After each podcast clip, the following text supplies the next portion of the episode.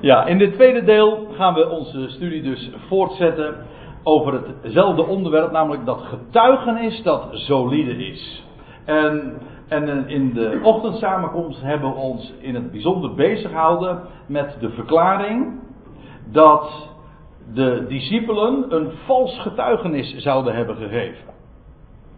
We lazen dat in 1 Korinthe 15, dat Paulus zegt van ja, dit is wat wij vertellen.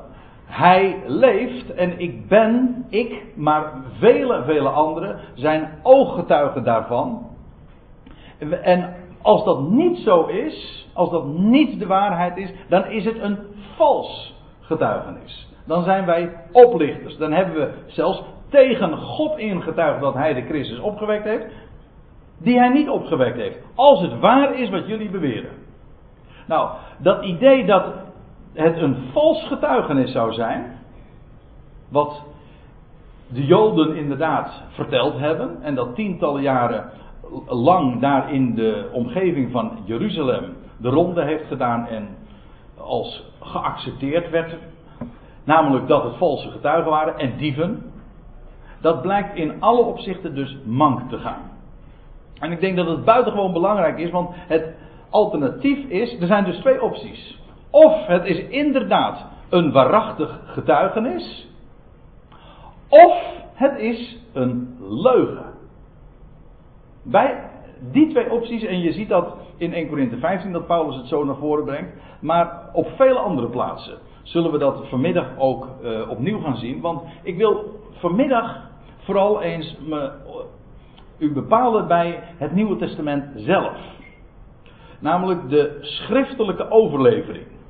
Hoe de ooggetuigen hun getuigenis geboekstaafd hebben. Dat wil zeggen, zwart op wit hebben opgetekend. Wel, daarvan, dat, dat hebben wij nu in ons midden en dat noemen wij dan het Nieuwe Testament. Maar dat zijn allemaal ooggetuigenverklaringen. Geschriften van allerlei aard, brieven, essays, zoals de Hebreeënbrief, of uh, geschiedschrijvingen, geschiedschrijvingen, zoals de evangeliën zijn, boekhandelingen net zo goed. Maar in ieder geval allemaal geschreven door directe of indirecte ooggetuigen. Dat wil zeggen, we zullen ons straks ook nog bezighouden met Lucas, die in die laatste categorie thuis hoort. Maar wat uh, daaruit blijkt, is dat het allemaal getuigenverslag is. Getuigenbewijs. Als je nou de vraag stelt, kun je bewijzen dat het Nieuwe Testament waar is? Nee. We kunnen sowieso wat valt er te bewijzen. Wat ik wel zeg, is dat het Nieuwe Testament zelf het bewijs, of zo u wilt, de verzameling van bewijzen is. Dat is wat het claimt. En dat is ook wat het waar maakt. Goed. Laten we eens een aantal geschriften zo opslaan. Het is opvallend dat juist in de aanhef van brieven en geschriften dat al meteen wordt benadrukt. Namelijk dat het waarachtig is, dat betrouwbaar is. Neem de eerste Johannesbrief. Zoals het meteen ook aanvangt met dat getuigenis. Daar staat dit in 1 Johannes 1. Hetgeen was van den beginnen, dat is typisch Johannes die het op deze manier aanpakt, want dat zo begon het Johannes-evangelie ook al. Hetgeen was van de beginnen, hetgeen wij gehoord hebben. Let op hoe de zintuigen er allemaal bij betrokken zijn. Hetgeen wij gehoord hebben, auditief. Hetgeen wij gezien hebben, visueel. Met onze eigen ogen. Hetgeen wij aanschouwd hebben, het Griekse woord daarvoor, trouwens bij ons ook, het verschil tussen zien en aanschouwen is dat aanschouwen nog, nog directer is, nog intensiever. Je kunt iets zien, maar als je iets gaat aanschouwen, dan ga je het nader bezien. Om het met precisie te bekijken. Dat is wat aanschouwen is. Dus hetgeen we gehoord hebben, hetgeen we gezien hebben met onze eigen ogen, niet met de ogen van een ander, nee, met onze eigen ogen. En hetgeen we aanschouwd hebben, en nu komt het nog uh, dichterbij, hetgeen onze handen getast hebben. Nou, uh, in termen van waarneming is dit inderdaad compleet. Alle, oog, alle zintuigen zijn daarbij betrokken die van belang zijn. In een ooggetuigenverslag. Dat is wat Johannes zegt. En hij zegt wij. Niet alleen ik. Maar ik met al die anderen. Die getuigen zijn van de opgestane. De verrezenen. Van het woord des levens. Of gewoon, ja, dat zijn allemaal wat verouderde Nederlandse manieren van zeggen. Maar het staat gewoon het woord van het leven. Waarom het zo heet lijkt me niet zo moeilijk. Want wat hij, waarvan hij getuigt, wat hij gezien heeft en wat hij aanschouwd heeft en wat hij gehoord heeft en wat hij getast heeft. Ook daarvan lees je in, de, in het Nieuwe Testament verslag hè, van joh, dat uh, Jezus naar de sceptische uh, Thomas toe gaat en hij zegt van nou, je wilde toch zo graag met je, met je handen in mijn zijde. Dat, dat, dat, moest, dat was voor jou, voor jou toch het ultieme bewijs om inderdaad overtuigd te worden dat ik leef. Wel hier, alsjeblieft, ik ben er. En je kunt zo de gaten nog zien. Dit niet de wonden, want wonden waren het niet meer. Maar de tekenen van de nagels waarmee hij gekruisigd was. De, de, de, tekenen in zijn voeten en in zijn handen. Nou, dat, dat heeft hij allemaal kunnen tasten. En het was woord van leven. Dat wil zeggen van echt leven. Wat wij, we hadden in de pauze nog even een gesprekje erover. Maar wat wij hier leven noemen is geen leven, dat is eigenlijk sterven.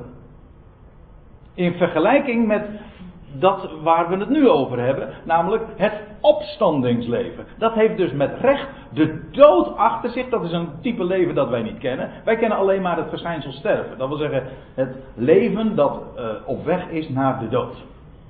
We hebben het nu over een, het woord van leven dat de dood achter zich heeft. Onvergankelijk, onsterfelijk is. Ook geen bloed meer heeft. Dat is een heel apart verhaal nog. Daar hebben we ons bij een andere gelegenheid nog eens mee bezig gehouden. Maar waar geest door de aderen stroomt. Ja. Nou ja. Het woord van leven. En dan zegt hij: Het leven toch is geopenbaard en wij hebben gezien en getuigen. Hier zie je die twee inderdaad weer zo bij elkaar komen. En bevestigd zie je daarin ook dat het waar is. Uh, wat het woordenboek trouwens ook zegt over wat een getuige is. Een getuige is iemand die spreekt van dat wat hij heeft gehoord en zelf heeft gezien. In de juridische zin dus van het woord een getuige. Het is trouwens opmerkelijk dat het Griekse woord te maken heeft, dat kennen wij ook nog, dat is namelijk via via nog weer vernederlands en dat is het woord, ons woord martelaar. Martelaar komt eigenlijk uit het Grieks en dat betekent een getuige. Opmerkelijk dat bij ons een martelaar de betekenis heeft gekregen van iemand die doodgaat, die sterft voor dat waar die, waarvan die getuigt. Heel eigenaardig hoe, hoe zo'n woord een betekenisverandering krijgt. Maar en zo gek is het nou ook weer niet. Want het betekent eigenlijk, en degene die hier aan het woord is, en degene die hier aan het woord zijn, die hebben inderdaad dat waarvan ze getuigden, moeten bekopen met de dood. Waarmee ze hun getuigenis bevestigden. Want niemand sterft voor een leven, voor een leugen. Dat doet niemand. Ja, tenzij je alleen maar, je kan sterven voor een idee waarvan jij denkt dat het waar is. Maar iets wat je met eigen ogen gezien hebt, massaal, dat wil zeggen velen, en dat gezien en aanschouwd en gehoord en getast, Kortom, met alle zintuigen erbij, zo direct. En als je daar dan van spreekt en dat getuigenis met de dood moet bekopen, daarmee bevestig je inderdaad het getuigenis. Je ziet trouwens daarbij ook welke rol um, de waarheid hier in deze boze aion speelt. Namelijk dat de waarheid, zoals de Romeinen 1 zegt ook, de waarheid wordt in ongerechtigheid ten onder. De waarheid mag niet gehoord worden. En dat betekent dat degene die getuigt van de waarheid, die wordt er buiten gezet. En in het ergste geval uh, zelfs gedood. Wordt dus een martelaar. Maar het woordje mart, ons woordje martelaar is dus eigenlijk een getuige. Iemand die spreekt van wat hij gezien en gehoord heeft. Nou, Het leven toch, daarvan, daarvan spreekt hij, het echte leven met allemaal hoofdletters, dat is geopenbaard. Of nee, eigenlijk staat er het woordje niet geopenbaard in, in de zin van onthuld, maar is verschenen. Dat is trouwens een heel uh, treffend woord in dit verband, want dat is precies zoals het meestal ging gedurende de 40 dagen vanaf de opstanding tot aan zijn definitieve hemelvaart vanaf de Olijfberg. Hij verscheen iedere keer in hun midden. Soms bij, in een uh, gelegenheid dat de ramen en de deuren allemaal gesloten waren. Hij stond in hun midden. Dat leven waar, het, waar Johannes het hier over heeft, heeft heel andere kenmerken. Dat overstijgt het vergankelijke, maar ook overstijgt de beperkingen die wij hier kennen. Het is concreet, het is aards, in die, nee, aards zeg ik, zeg niet helemaal goed, maar in elk geval, het is vlees en beenderen. Zo spreekt de schrift erover. Niet vlees en bloed, maar wel vlees en beenderen. Maar het is, een, het is een, van een geestelijke, een spirituele hoedanigheid. Het is dit, dat, le, dat, dat, dat leven, Paulus zegt dat ook in 1 Korinthe 15, dat is niet psychisch, psychikos, ziels, maar het is pneumatisch. Heeft een andere drive, of ik weet niet hoe ik het anders moet zeggen, maar in ieder geval heeft andere hoedanigheden. Wel, dat leven verscheen. Is, het leven is verschenen, staat er. En wij hebben gezien en getuigen en verkondigen u ook hier staat weer zo'n woord. Ja, al die begrippen hebben nogal wat uh, afgekalfde betekenissen gekregen in de loop der tijd. Omdat ze vooral, ja, dat geldt ook voor het woordje verkondigen. Eerder hadden we het al over het woordje prediken, wat wij dan weer associëren met preken. En daarvan is de concrete, historische, uh, juridische betekenis die het oorspronkelijk heeft, is verloren gegaan. Hier wordt ook een woord gebruikt dat heeft te maken met een, een bericht doorgeven. De Concordant Versions geeft dan ook uh, de versie van rapporteren. Dat is het. Hij, niet verkondigen, nee, wij rapporteren. En wij hebben dat gerapporteerd. Wij hebben het gezien en, en het is een bericht en wij geven dat door. en dan zegt hij erbij: het eeuwige leven het eeuwige leven, dat wil zeggen het leven van die toekomende eeuw, want dat is het, dat bij de Vader was en aan ons geopenbaard is. Dat wil zeggen, Hij was altijd al de levende God, maar nu is dat leven, wat Hij is in zichzelf, is geopenbaard. En dat is het leven dat in de toekomende aion de heerschappij zal hebben. De toekomende aion, dat is de aion waarin het opstandingsleven, wat zeg ik, de opgestane zal heersen. Maar niet alleen hij, maar vele anderen ook. Vandaar ook dat dat, dat leven al gekoppeld wordt aan die toekomende aion. Nou, dat is een onderwerp apart, maar goed, ik, eh, omdat Johannes dat hier zo noemt, wil ik het toch even gezegd hebben. Dat, hij zegt, wij rapporteren dat u en dat dat Ionische leven dat bij de Vader was en ons geopenbaard is, hetgeen wij gezien, heb je het weer, hetgeen wij gezien en gehoord hebben, dat rapporteren wij u ook opdat gij met ons gemeenschap zoudt hebben. Dat wil zeggen, opdat wij tezamen een eenheid zouden vormen. Want dat is wat een gemeenschap tenslotte is. Wij vormen een, we hebben iets gemeenschappelijk. Namelijk deze boodschap, dit bericht. Dat, dat verbindt ons ook. Dit woord van leven, het is een levend woord. Dat is niet een ritueel, het is geen filosofie. Het is het getuigenis aangaande iemand, niet over iets, maar iemand die de dood heeft overwonnen. Dus met recht het leven. Wel, dat is wat ons tot een eenheid samensmeet. Het is de waarheid. En degenen die daar oren voor hebben, niet geloven, die zich daardoor hebben laten overtuigen. Ik weet niet of ik het zo goed zeg, maar die daardoor zijn overtuigd. Wel, die vormen een eenheid, een gemeenschap. Johannes gaat er nog iets op eh, door. Daar dat laat ik nu eventjes vanwege het onderwerp maar even links liggen. Maar ik wil nog wel even het vierde vers er ook bij betrekken. Er staat er namelijk bij. En deze dingen, zegt Johannes. Dit, zijn dus, dit is de inleiding van zijn brief. Dat is dus de basis voor alles wat hij nu nog gaat zeggen. Dit getuigenis, met recht dus, getuigenis. Hij zegt, en deze dingen schrijven wij, opdat onze blijdschap volkomen zij. Denk er eens over na. Wat kan je blijdschap, je vreugde volkomen maken? Bestaat dat sowieso hier in deze wereld? Volkomen vreugde? Ja, ik bedoel, er is dit vergankelijke bestaan met alle frustraties die het met zich meebrengt. Je hebt bepaalde verwachtingen, komen niet uit. Nou ja, ik bedoel, er is zoveel dat ons deprimeert. Alles wordt naar beneden getrokken, dat neerslaat. Hm? Neerslachtig maakt. Maar er is één bericht. Dat zo haak staat op alles in deze wereld. Alles in deze wereld is vergankelijk. Maar nu horen wij een bericht notabene. Een mededeling. Waarachtig, duidelijk, concreet. Bevestigd, getuigd. Over leven. Van een God die leeft en die het leven laat triomferen. Als er één ding is dat een mens werkelijk volkomen uit alles kan tillen, dan is het dit, dan is het dit bericht. Nogmaals, een bericht.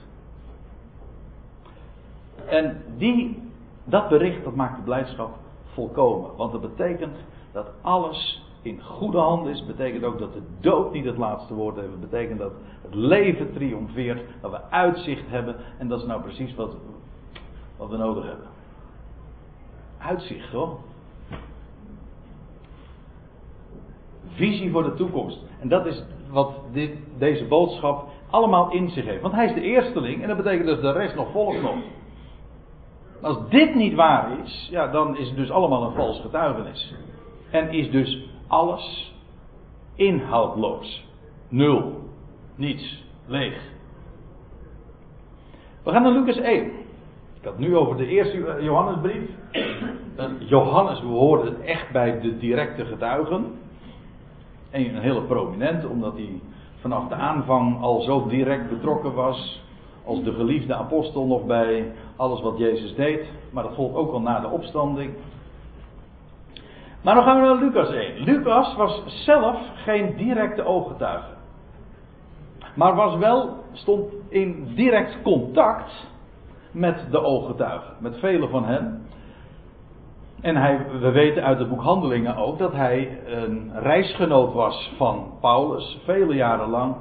En zelfs in zijn laatste brief, in zijn geestelijk testament, noemt Paulus hem nog de. Nee, in de Colossensebrief noemt hij het onze geliefde uh, geneesheer. Het was een arts dus. En uh, in de Timotheusbrief, in de laatste Timotheusbrief zegt hij: uh, Lucas is nog bij me. Alle hadden hem verlaten, maar Lucas was nog bij hem. Goed, over die Lucas hebben we het. En dan, die vangt zijn tweedelig werk, want dit, dit is eigenlijk het eerste boek van Lucas. En het boek Handelingen is het tweede boek van Lucas. Je zou dus Handelingen, zou je ook kunnen noemen, twee Lucas. Niet te verwarren met Lucas 2. Hm? Goed. Maar let op hoe hij dat ook aanvangt. Die boeken van, met name van Lucas, zie je dat zo duidelijk. Het is iemand die documenteert, die, heeft, die er ook alles aan gelegen is. Dat is karakteristiek voor heel zijn schrijven. Dat is dat hij onderzoek heeft gedaan. En eerst de dingen wilde verifiëren of het inderdaad zo is. En zo getuigen heeft laten, uh, zich door getuigen heeft laten informeren. En alles heeft nagegaan. Dat, zo vangt hij het boek Lucas aan. Zo vangt hij het boek Handelingen aan. En heel zijn schrijven uh, wordt doorademd door die sfeer en door die overtuiging van dit is mijn missie om de betrouwbaarheid en de zekerheid van dat wat ik opteken vast te stellen. Niet om een mooi verhaal te vertellen, maar opdat het betrouwbaar zou zijn. Lees met me mee. Aangezien velen getracht hebben een verhaal op te stellen. Om een verhaal te composeren. Uh, een, een verhaal op te stellen over de zaken die onder ons hun beslag hebben gekregen. Dus uh, er waren al diverse mensen geweest. Nee, diverse. Velen staat er zelfs. Velen hadden het al geboekstaafd. We hebben, het Nieuwe Testament is dus ook beslist niet uh, zijn niet de enige documenten, zijn weliswaar de enige documenten die ons nu nog ter beschikking zijn, staan. Maar er zijn al velen die een poging hebben gedaan om dat op, op uh, boek te, uh, te boekstaven en, en op te tekenen. Velen hadden dat al gedaan. En over de zaken die onder ons hun beslag hebben gekregen. Maar dat was alleen maar mondeling. Ik ben blij dat het allemaal is opgetekend. Zodat we nu in 2013 op de hoogte zijn van het bericht en van alles wat daarmee verwant houdt. Zie daar het Nieuwe Testament. Gelijk ons hebben overgeleverd, doorgegeven dat, eh, wil dat zeggen, uh, overgegeven, uh, degene die van het begin aan, let op, ooggetuigen en dienaren van het woord geweest zijn. Het een en het ander. Dat een, dat en, dat betekent hier namelijk gewoon namelijk. Die ooggetuigen, namelijk dienaren van het woord geweest zijn. Ze hebben het gezien en gehoord en ze hebben het vervolgens ook doorgegeven. En ze hebben zich ten dienste gesteld om die boodschap, dat woord, door te geven. Maar let ook weer, weer op, meteen in de aanvang wordt er gezegd, ze waren ooggetuigen. En hij zegt, dan vervolgens in vers 3. Hij zegt, zo ben ook ik tot het besluit gekomen. Na alles van meet aan nauwkeurig te hebben nagegaan. Nou, van meet aan, dat klopt ook wel. Want hij begint zijn, zijn hele zijn boek ook, na, na de inleiding, met de geboortegeschiedenis van Jezus. En ook nog zelfs de gebeurtenissen die daaraan vooraf gegaan zijn in verband met de geboorte van Johannes de Doper. Dus hij is alles van meet af aan nauwkeurig nagegaan. En vervolgens zegt hij, en dit in geregelde orde voor u te boek te stellen, hoogedele Theophilus. Mooie naam, want dat betekent liefhebber van God. Dat is een Griekse woord, een Griekse naam, Theophilus. Hij zegt, en dat is wat ik gedaan heb. In de eerste plaats om het nauwkeurig allemaal na te gaan, vanaf de aanvang. En vervolgens om het in geregelde orde, allemaal accuraat en met precisie en duidelijk en overzichtelijk op te tekenen. Zie daar de doelstelling van het boek Lucas en het vervolg, het boek Handelingen. En dan, wat is het motief daarachter? Nou, dat klonk eigenlijk al door, maar hier wordt in vers 4 nog wel heel uitdrukkelijk er, erbij gezegd: opdat gij de betrouwbaarheid, letterlijk staat er het woordje zekerheid, opdat gij de zekerheid zoudt erkennen van de zaken waarvan gij onderricht zijt. Dus hij geeft dit allemaal door, hij stelt dit te boek voor een Theophilus, de godliefhebber, voor, voor me, ja, je ook, je kunt dat, uh, die Theophilus als een, als een concrete persoon zien, dat ga ik ook wel van uit. Maar uh, je kunt het ook, uh, dat, dat zou je overdrachtelijk kunnen nemen. Voor elke God, liefhebber van God is dit te boek gesteld. En waarbij, waar, waarbij het erom gaat, is dat we de zekerheid zouden hebben, zouden erkennen. Er staat het woordje epignosis, en dat betekent dus ja, erkennen, maar het is beseffen. Het je zou realiseren. Dat je zou realiseren hoe zeker het is dat wat ik opteken. En heb, heb opgetekend. En met nauwkeurigheid en precisie en accuratesse heb nagegaan en onderzocht. Dat is wat hij zegt. Dat is de doelstelling. Ziet u dat het ook het boek Lucas, exact hetzelfde als bij de brief van Johannes, gebaseerd is op accuratesse, op ooggetuigenverslag op waarachtigheid, op zekerheid. Dat wat gezien en gehoord is. Niet zomaar een verhaal. Daar koop je niks voor. En al helemaal geen filosofie. En ook geen godsdienst. Heeft er niets mee te maken. Het gaat hier over een bericht. Van iemand die het graf leeg achterliet. En die vervolgens is verschenen. En dat hebben zij doorgegeven. En dat is opgetekend. Zie daar Het Nieuwe Testament. We gaan naar 2 Petrus toe. We hadden het al over Johannes. We hadden het net over Lucas. Die velen heeft geïnformeerd. In de zin van, uh, die bij velen navraag heeft gedaan. Wellicht ook bij bijvoorbeeld uh, de moeder van Jezus. En uh, hij was een medewerker van Paulus. Maar vele van de anderen heeft hij ook gekend. In, van de apostelen. En onder andere heeft hij ook ongetwijfeld Petrus gekend. Maar wat zegt Petrus zelf? Aan het eind van zijn leven heeft hij nog een brief geschreven. Hij heeft zelfs twee brieven geschreven die we nog in de Bijbel hebben. De, de tweede Petrusbrief is een brief die hij vlak voor zijn overlijden heeft geschreven. En ook met een speciale bedoeling. Maar waar het me nu even om gaat is dat 16e vers. Van dat eerste hoofdstuk. Ook daarin zie je weer exact uh, die, datzelfde motief doorklinken. Want, zegt Petrus, wij, en hij heeft dit, nou heeft hij het hier, zou ik even moeten bewijzen, maar dan moet ik het eventjes opzoeken, want ik heb het hier niet in de PowerPoint verwerkt.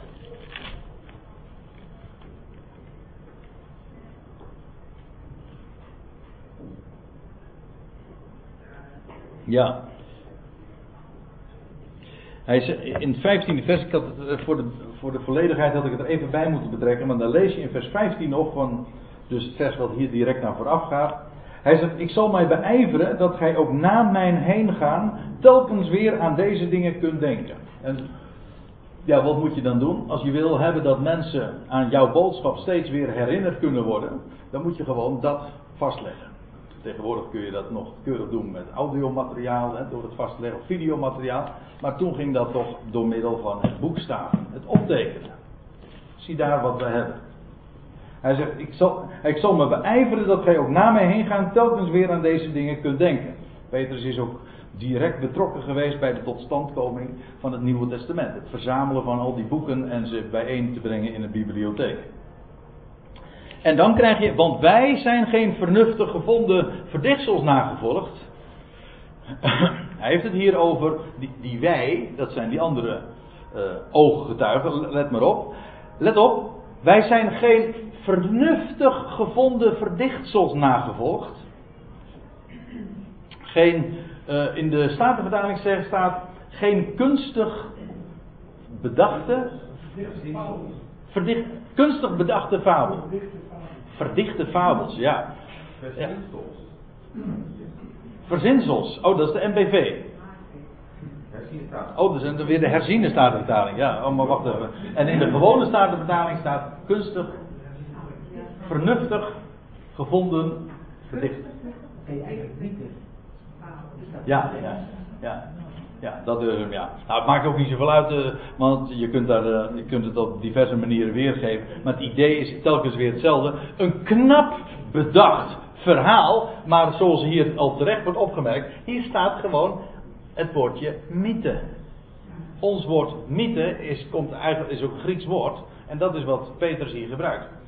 We zijn geen mythe, al, al misschien een knap bedacht, een geraffineerd, verzonnen verhaal nagevolgd. Dat was namelijk het, de beschuldiging. Nou. Er wordt nog iets gerapporteerd, geloof ik.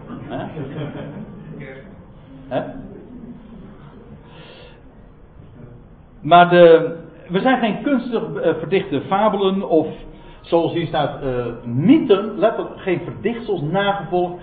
Toen wij u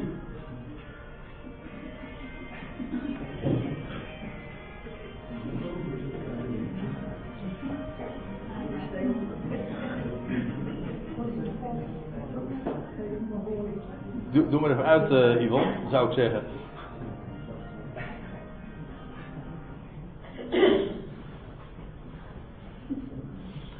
Oké.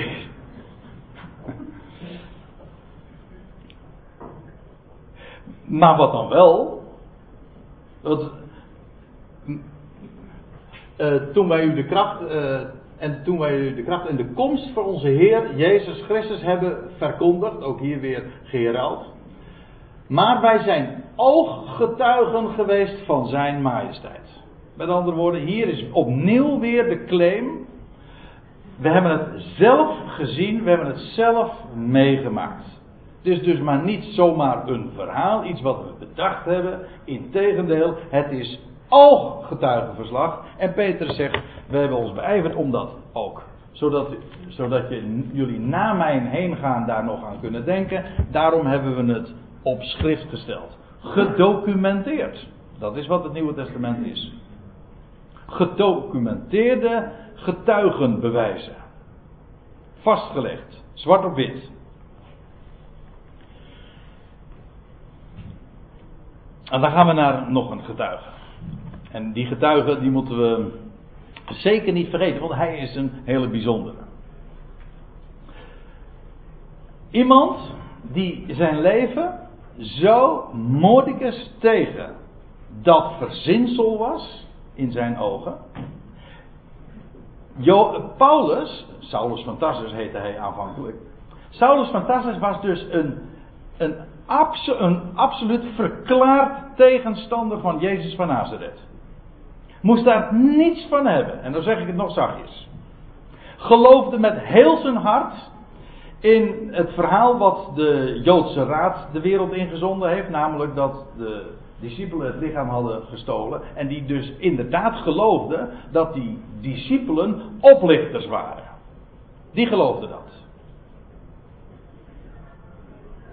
Die zelfs daar zo actief mee was en die ook alles in het werk heeft gesteld om dat verzinsel, maar vooral de kop in te drukken. En die daarom uh, ook stad en land heeft afgereisd en zelfs naar het buitenland is gegaan. En op het moment dat hij naar het buitenland ging, toen werd hij geroepen. Waarom juist toen pas? Nou, dat heeft ook alles te maken met zijn bediening natuurlijk, want daar moest hij op wezen. Namelijk buiten het land. In elk geval, hij werd geroepen.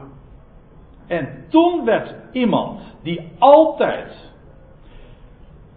op het standpunt stond dat de Joodse raad en hun versie, namelijk dat de discipelen en al die andere mensen die dat getuigenis droegen, bedriegers en oplichters waren, toen werd hij in ene keer compleet veranderd. En werd hij zelf een ooggetuige. En dat was de de, een radicale omkeer. We hadden het in de pauze nog even over. Paulus heeft nooit voor Jezus gekozen. Hij is in één keer overweldigd. Toen was voor hem in één keer ook duidelijk: het is waar. Vervolgens heeft het natuurlijk nog een hele tijd gekost om dan vervolgens al zijn, zijn, zijn wetenschap en dat wat hij wist, zijn theologie en misschien ook wel zijn filosofie, om dat allemaal te herzien en in een totaal ander perspectief te plaatsen. Maar dat was de ommekeer in zijn leven. En je leest in het boek Handelingen, dat geschreven is dus door Lucas, dat Paulus op een gegeven ogenblik, als hij gevangen genomen is, dan, komt hij, dan moet hij voor stadhouders getuigenis afleggen. Zich verdedigen. Apologetiek heet dat. Verdedigen dat wat je gelooft. Nou, dat is.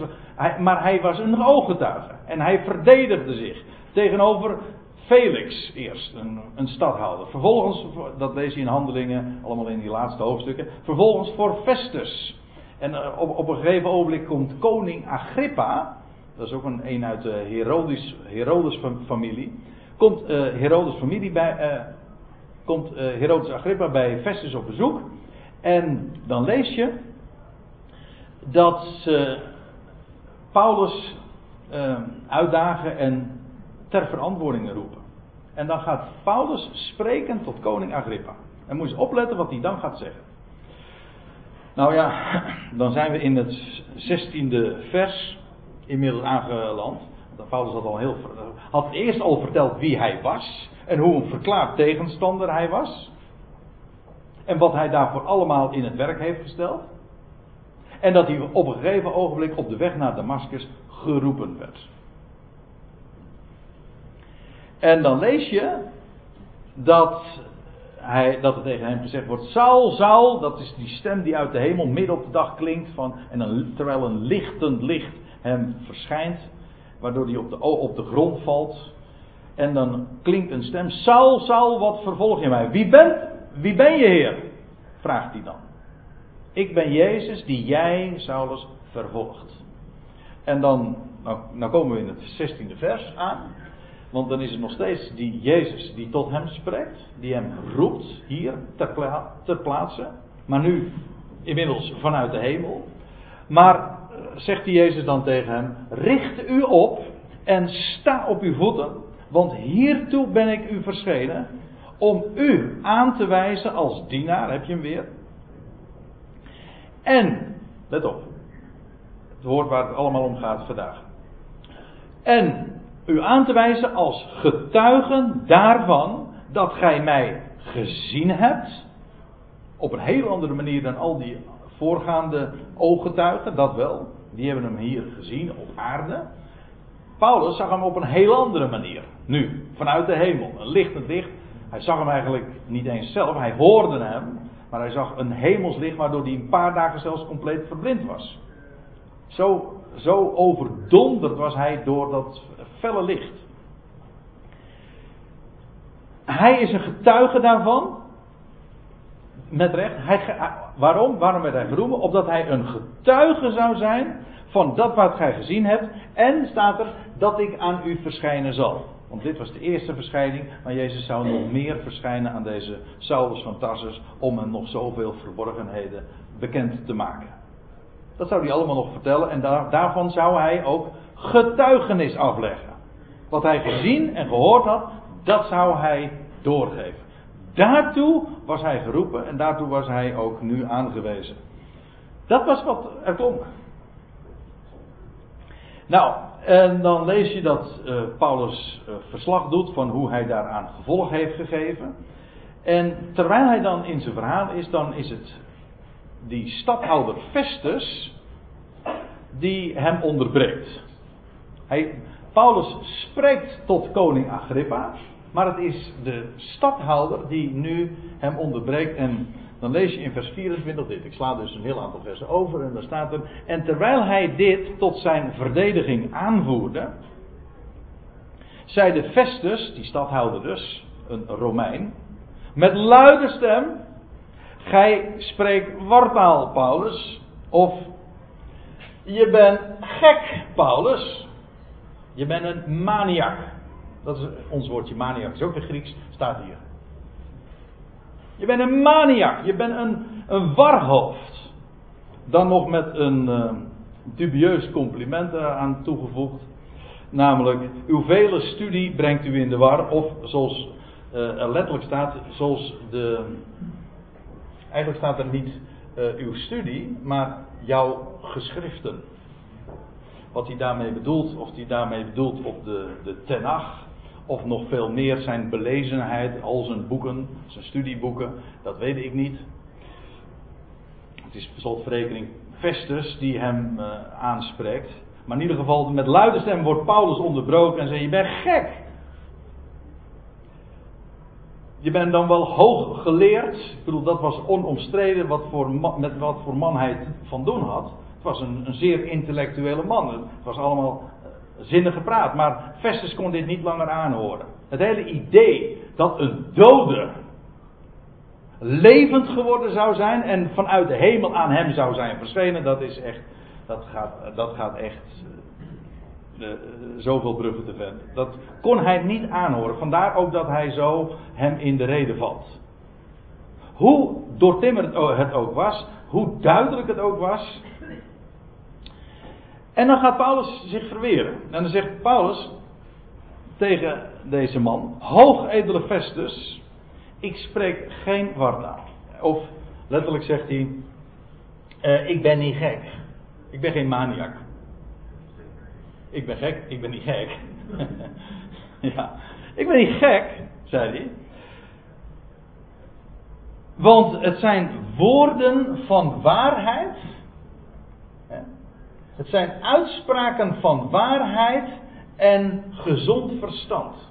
Het wordt hier wel heel erg uh, uh, kort en bondig vertaald en uh, vrij weergegeven, maar staat eigenlijk. Paulus zegt: Ik spreek geen wartaal, ik ben niet gek. Hij zegt: Maar, ik, maar nuchtere waarheid, zegt de NBG-vertaling dan. Natuurlijk, het is inderdaad nuchtere waarheid. Het zijn woorden van waarheid. Het is betrouwbaar wat ik zeg. En bovendien van gezond verstand. Ik ben helemaal bij mijn zinnen. Ik heb er ook heel lang over na kunnen denken nadien wat er allemaal gebeurd is. Bovendien, hij is niet één keer, maar meerdere keer aan mij verschenen. Waar trouwens toen bij die gelegenheid ook nog allerlei andere getuigen waren. Toen hij geroepen werd, bedoel ik. Ik wil dit te zeggen. Paulus, die zegt tegen die Festus: Dit is waarachtig en bovendien, het is gezond, verstand. En nou gaat hij vervolgens Agrippa aanspreken. Want let op wat hij dan zegt, doet en zegt in vers 26. Want de koning, die zat naast die Festus. Dus je had aan de ene kant de, eh, de stadhouder en aan de andere kant zat koning Agrippa, dat was de koning der Joden. Uit die Herodes familie. Hij zegt, want de koning die weet van deze dingen. En tot hem spreek ik vrijmoedig. Dat wil zeggen, tegen Festus, ja, dan moet ik uh, me excuseren. Het kan misschien absurd zijn wat ik nu allemaal vertel. En je bent helemaal niet op de hoogte van deze dingen. Hij zegt, maar tot de koning spreek ik vrijmoedig. Dat wil zeggen, zonder onbeschroomd. Waarom? Moet je opletten wat hij dan zegt. Hij zegt, want ik kan niet geloven, of letterlijk zegt hij, ik ben er niet van overtuigd. Ik, ik, ik, wil niet, ik kan niet aannemen dat hem iets van deze dingen, waar Paulus nu van sprak, dat geopende graf en dat hij leeft, ik kan, hem, ik, uh, ik kan niet geloven dat hem iets van deze dingen onbekend is. Hij, zegt er, hij voegt er aan toe: Dit is immers niet in een uithoek geschied. Iedereen weet hiervan. Moet u, op, moet u zich realiseren: in heel Jeruzalem was dit gewoon bekend. Van dat lege graf en het getuigenis. Dat alom had geklonken. Dus die. En niet alleen Jeruzalem en in, in de omstreken. Dat wat er allemaal zijn beslag had gekregen. Ook alle wonderbaarlijke gebeurtenissen die vervolgens in de handelingentijd hebben plaatsgevonden. De koning heeft daar met zijn, heeft daar met zijn neus op gestaan. Hij heeft, dat, hij heeft dat gezien, hij heeft dat allemaal meegemaakt. Dat wil zeggen, hij wist wat er aan de hand was. Er had zoiets krachtigs geklonken daar in, in het Joodse land. Het is ook niet voor niks dat daar in die tijd, in handelingen 21, eh, 22 lees je dat ook, dat er tienduizenden Joden door dat getuigenis ook overtuigd zijn. En die niet konden geloven in de versie van het Joodse Sanhedrin, namelijk dat het allemaal valse getuigen zouden zijn en dat ze het lichaam gestolen hadden. Dat was een absurd verhaal. Vandaar ook dat er velen daardoor zijn overtuigd. En de koning Agrippa wist van deze dingen. En Paulus daagt hem uit. Hij zegt, hij zegt u weet beter. Festus hou ik er even buiten, maar u koning, u weet beter. Want dit is niet in de uithoek gezien. U weet hier donders goed van. Dat is wat hij tegen hem zegt. Het is niet in een uithoek geschied. Ja, en dan uh, wordt het uh, Agrippa natuurlijk erg heet onder de voeten. Want dan gaat hij uh, zich excuseren. Nou ja, misschien, misschien is het wel leuk om dat eventjes nog te lezen. Ik heb het niet meer in de PowerPoint verwerkt. Maar dan zegt hij tegen, tegen Agrippa, nee tegen Paulus. Nee, dan vraagt hij nog, eerst nog stelt hij de uitdagende vraag, Paulus, vraagt Paulus dan aan, aan Agrippa. Gelooft gij de profeten? Gewoon, dat, de Hebreeuwse Bijbel. En dan zegt hij, ik weet dat u ze gelooft. Dat was u, bent overtuigd van de woorden van de profeten. Nou, dan zegt, en dan is het vervolgens de Agrippa die zegt tegen Paulus: Gij wilt mij wel spoedig als christen laten optreden. En dan zegt Paulus: ik zou, wel, ik zou God wel willen bidden dat en spoedig en voorgoed niet alleen gij, maar ook allen, want er stond een heel gezelschap daar in die zaal, dat allen die mij heden horen ook zo werden als ik. Zonder deze boeien dan. Ik wens jullie allemaal hetzelfde toe als dat ik ben. Namelijk, behalve dan die boeien, want dat wens ik niemand toe. Een gebonden man. Maar ziet u, kijk, Dit is nou weer zo'n typisch voorbeeld. Paulus was zo'n ooggetuige. Dit was hem overkomen. Wat, had, wat voor voordeel heeft het om opgeleverd? Moet u zich realiseren, het was een, een veelbelovend Joodse student. Het was een briljant student die het verder bracht in het Jodendom dan vele van zijn tijdgenoten, zegt hij. Dus hij, was heel veel, hij had een hele eh, veelbelovende carrière voor de boeg in het Jodendom. Een gezien man. Gooit zijn reputatie er helemaal aan. Waarom? Door die ene gebeurtenis wat er had, was plaatsgevonden in Damascus. Op, op de weg naar Damascus. Dat de schellen vielen van zijn ogen. Toen was hij ervan overtuigd geraakt. Het was de waarheid wat die discipel altijd verteld had. En wat hij zo krachtig had bestreden. Hij was zelf nu overdonderd door het bewijs. Het is zo, ik ben zelf een getuige. En het heeft hem nooit enig voordeel in aardse sfeer opgeleverd. Helemaal niets, integendeel, boeien. En uiteindelijk is hij in gevangenschap, is hij omgekomen en is hij, nou hoe die aan zijn eind is gekomen, maar in ieder geval als martelaar. Dat, is, dat was Paulus' leven, zeg maar, na zijn roeping. Dat is wat zijn getuigenis waard is. Wil je weten hoe betrouwbaar dat getuigenis van Paulus is? Nou, kijk naar wat er gebeurd is sinds zijn roeping. Hij was een krachtige tegenstander. Hij geloofde dat het een leugen was dat hij Jezus zou leven. Totdat hij er vanzelf met eigen ogen het uh, te zien krijgt. En, er, en een ooggetuige wordt. En zijn hele leven verandert compleet. Maar hij heeft het er graag voor over gehad. Deze man, zijn blijdschap was volkomen. Hij had een totaal nieuw leven gekregen. Waarom? Het is de waarheid. Het is de waarheid. Geen knap bedacht verhaal, geen mooie filosofie, het is de waarheid. Nou, we eindigen bij waar we begonnen zijn. In, uh, in 1 Corinthië 15. Daar begonnen we de dag mee. En ik wil u toch nog even naar dat hoofdstuk uh, mee uh, naartoe nemen. Want je zou dat hoofdstuk echt een kroongetuige kunnen noemen. mooi woord in dit verband. In de eerste verse had Paulus al aangegeven dat het het evangelie, het ABC daarvan. En dan, lees je in vers 4, ik val midden in de zin. En hij, dat wil zeggen de Christus, hij is begraven en er staat erbij en ten derde dagen opgewekt naar de schriften. Waarbij elk woord weer zo geladen is. Want hij is niet alleen maar opgewekt naar de schriften, hij is ook opgewekt ten derde dagen naar de schriften. Want ook dat stond al in de schrift. In directe voorzeggingen, maar ook in directe verhalen. Dat is, daar zou je een, eh, een, een geweldige Bijbelstudie van kunnen geven. Ik heb in het verleden, daar was een, een, aantal avonden ook over gegeven. Over opgewekt, over alleen dit ene thema. Dit, deze ene, dat ene zinsdeel. Ten derde dag opgewekt naar de schriften. En dan zie je ook dat die hele Bijbel een goddelijke compositie is. Dat verzint geen mens. Nou, hij is begraven en ten derde dagen opgewekt naar de schriften en dan staat er. Dan streekt Paulus van wal. En hij is verschenen, heb je weer dat woord. Hij, was, is verschenen, hij is gezien aan Kefas. Dat is die Petrus. Er is Jezus één keer zelfs heel hoogstpersoonlijk aan verschenen. Ook dat lees je in de Evangelie al. Hij is verschenen aan Kefas. Daarna aan de twaalfen. Vervolgens is hij verschenen, nou en daar hebben we het al diverse keren over gehad, aan meer dan 500 broeders tegelijk. Alsjeblieft. Van wie het merendeel, schrijft Paulus hier aan de Corinthiërs, zo ergens in de jaren 50 van de eerste eeuw. Van wie het merendeel thans nog in leven is, maar sommigen zijn inmiddels ontslapen.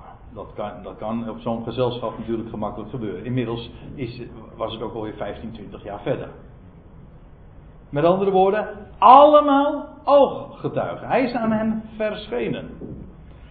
Vervolgens is hij verschenen aan Jacobus. Ook een apart verhaal trouwens. Want we weten dat hij in zijn leven, deze Jacobus, dit was een broeder van de Heer, dat al Jezus, alle broers van Jezus niks van hem wilden weten.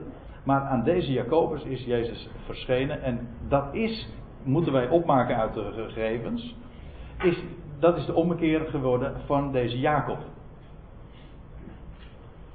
Mooi type trouwens. Als mij vraagt van de grote omkeer van Jacob in de toekomst.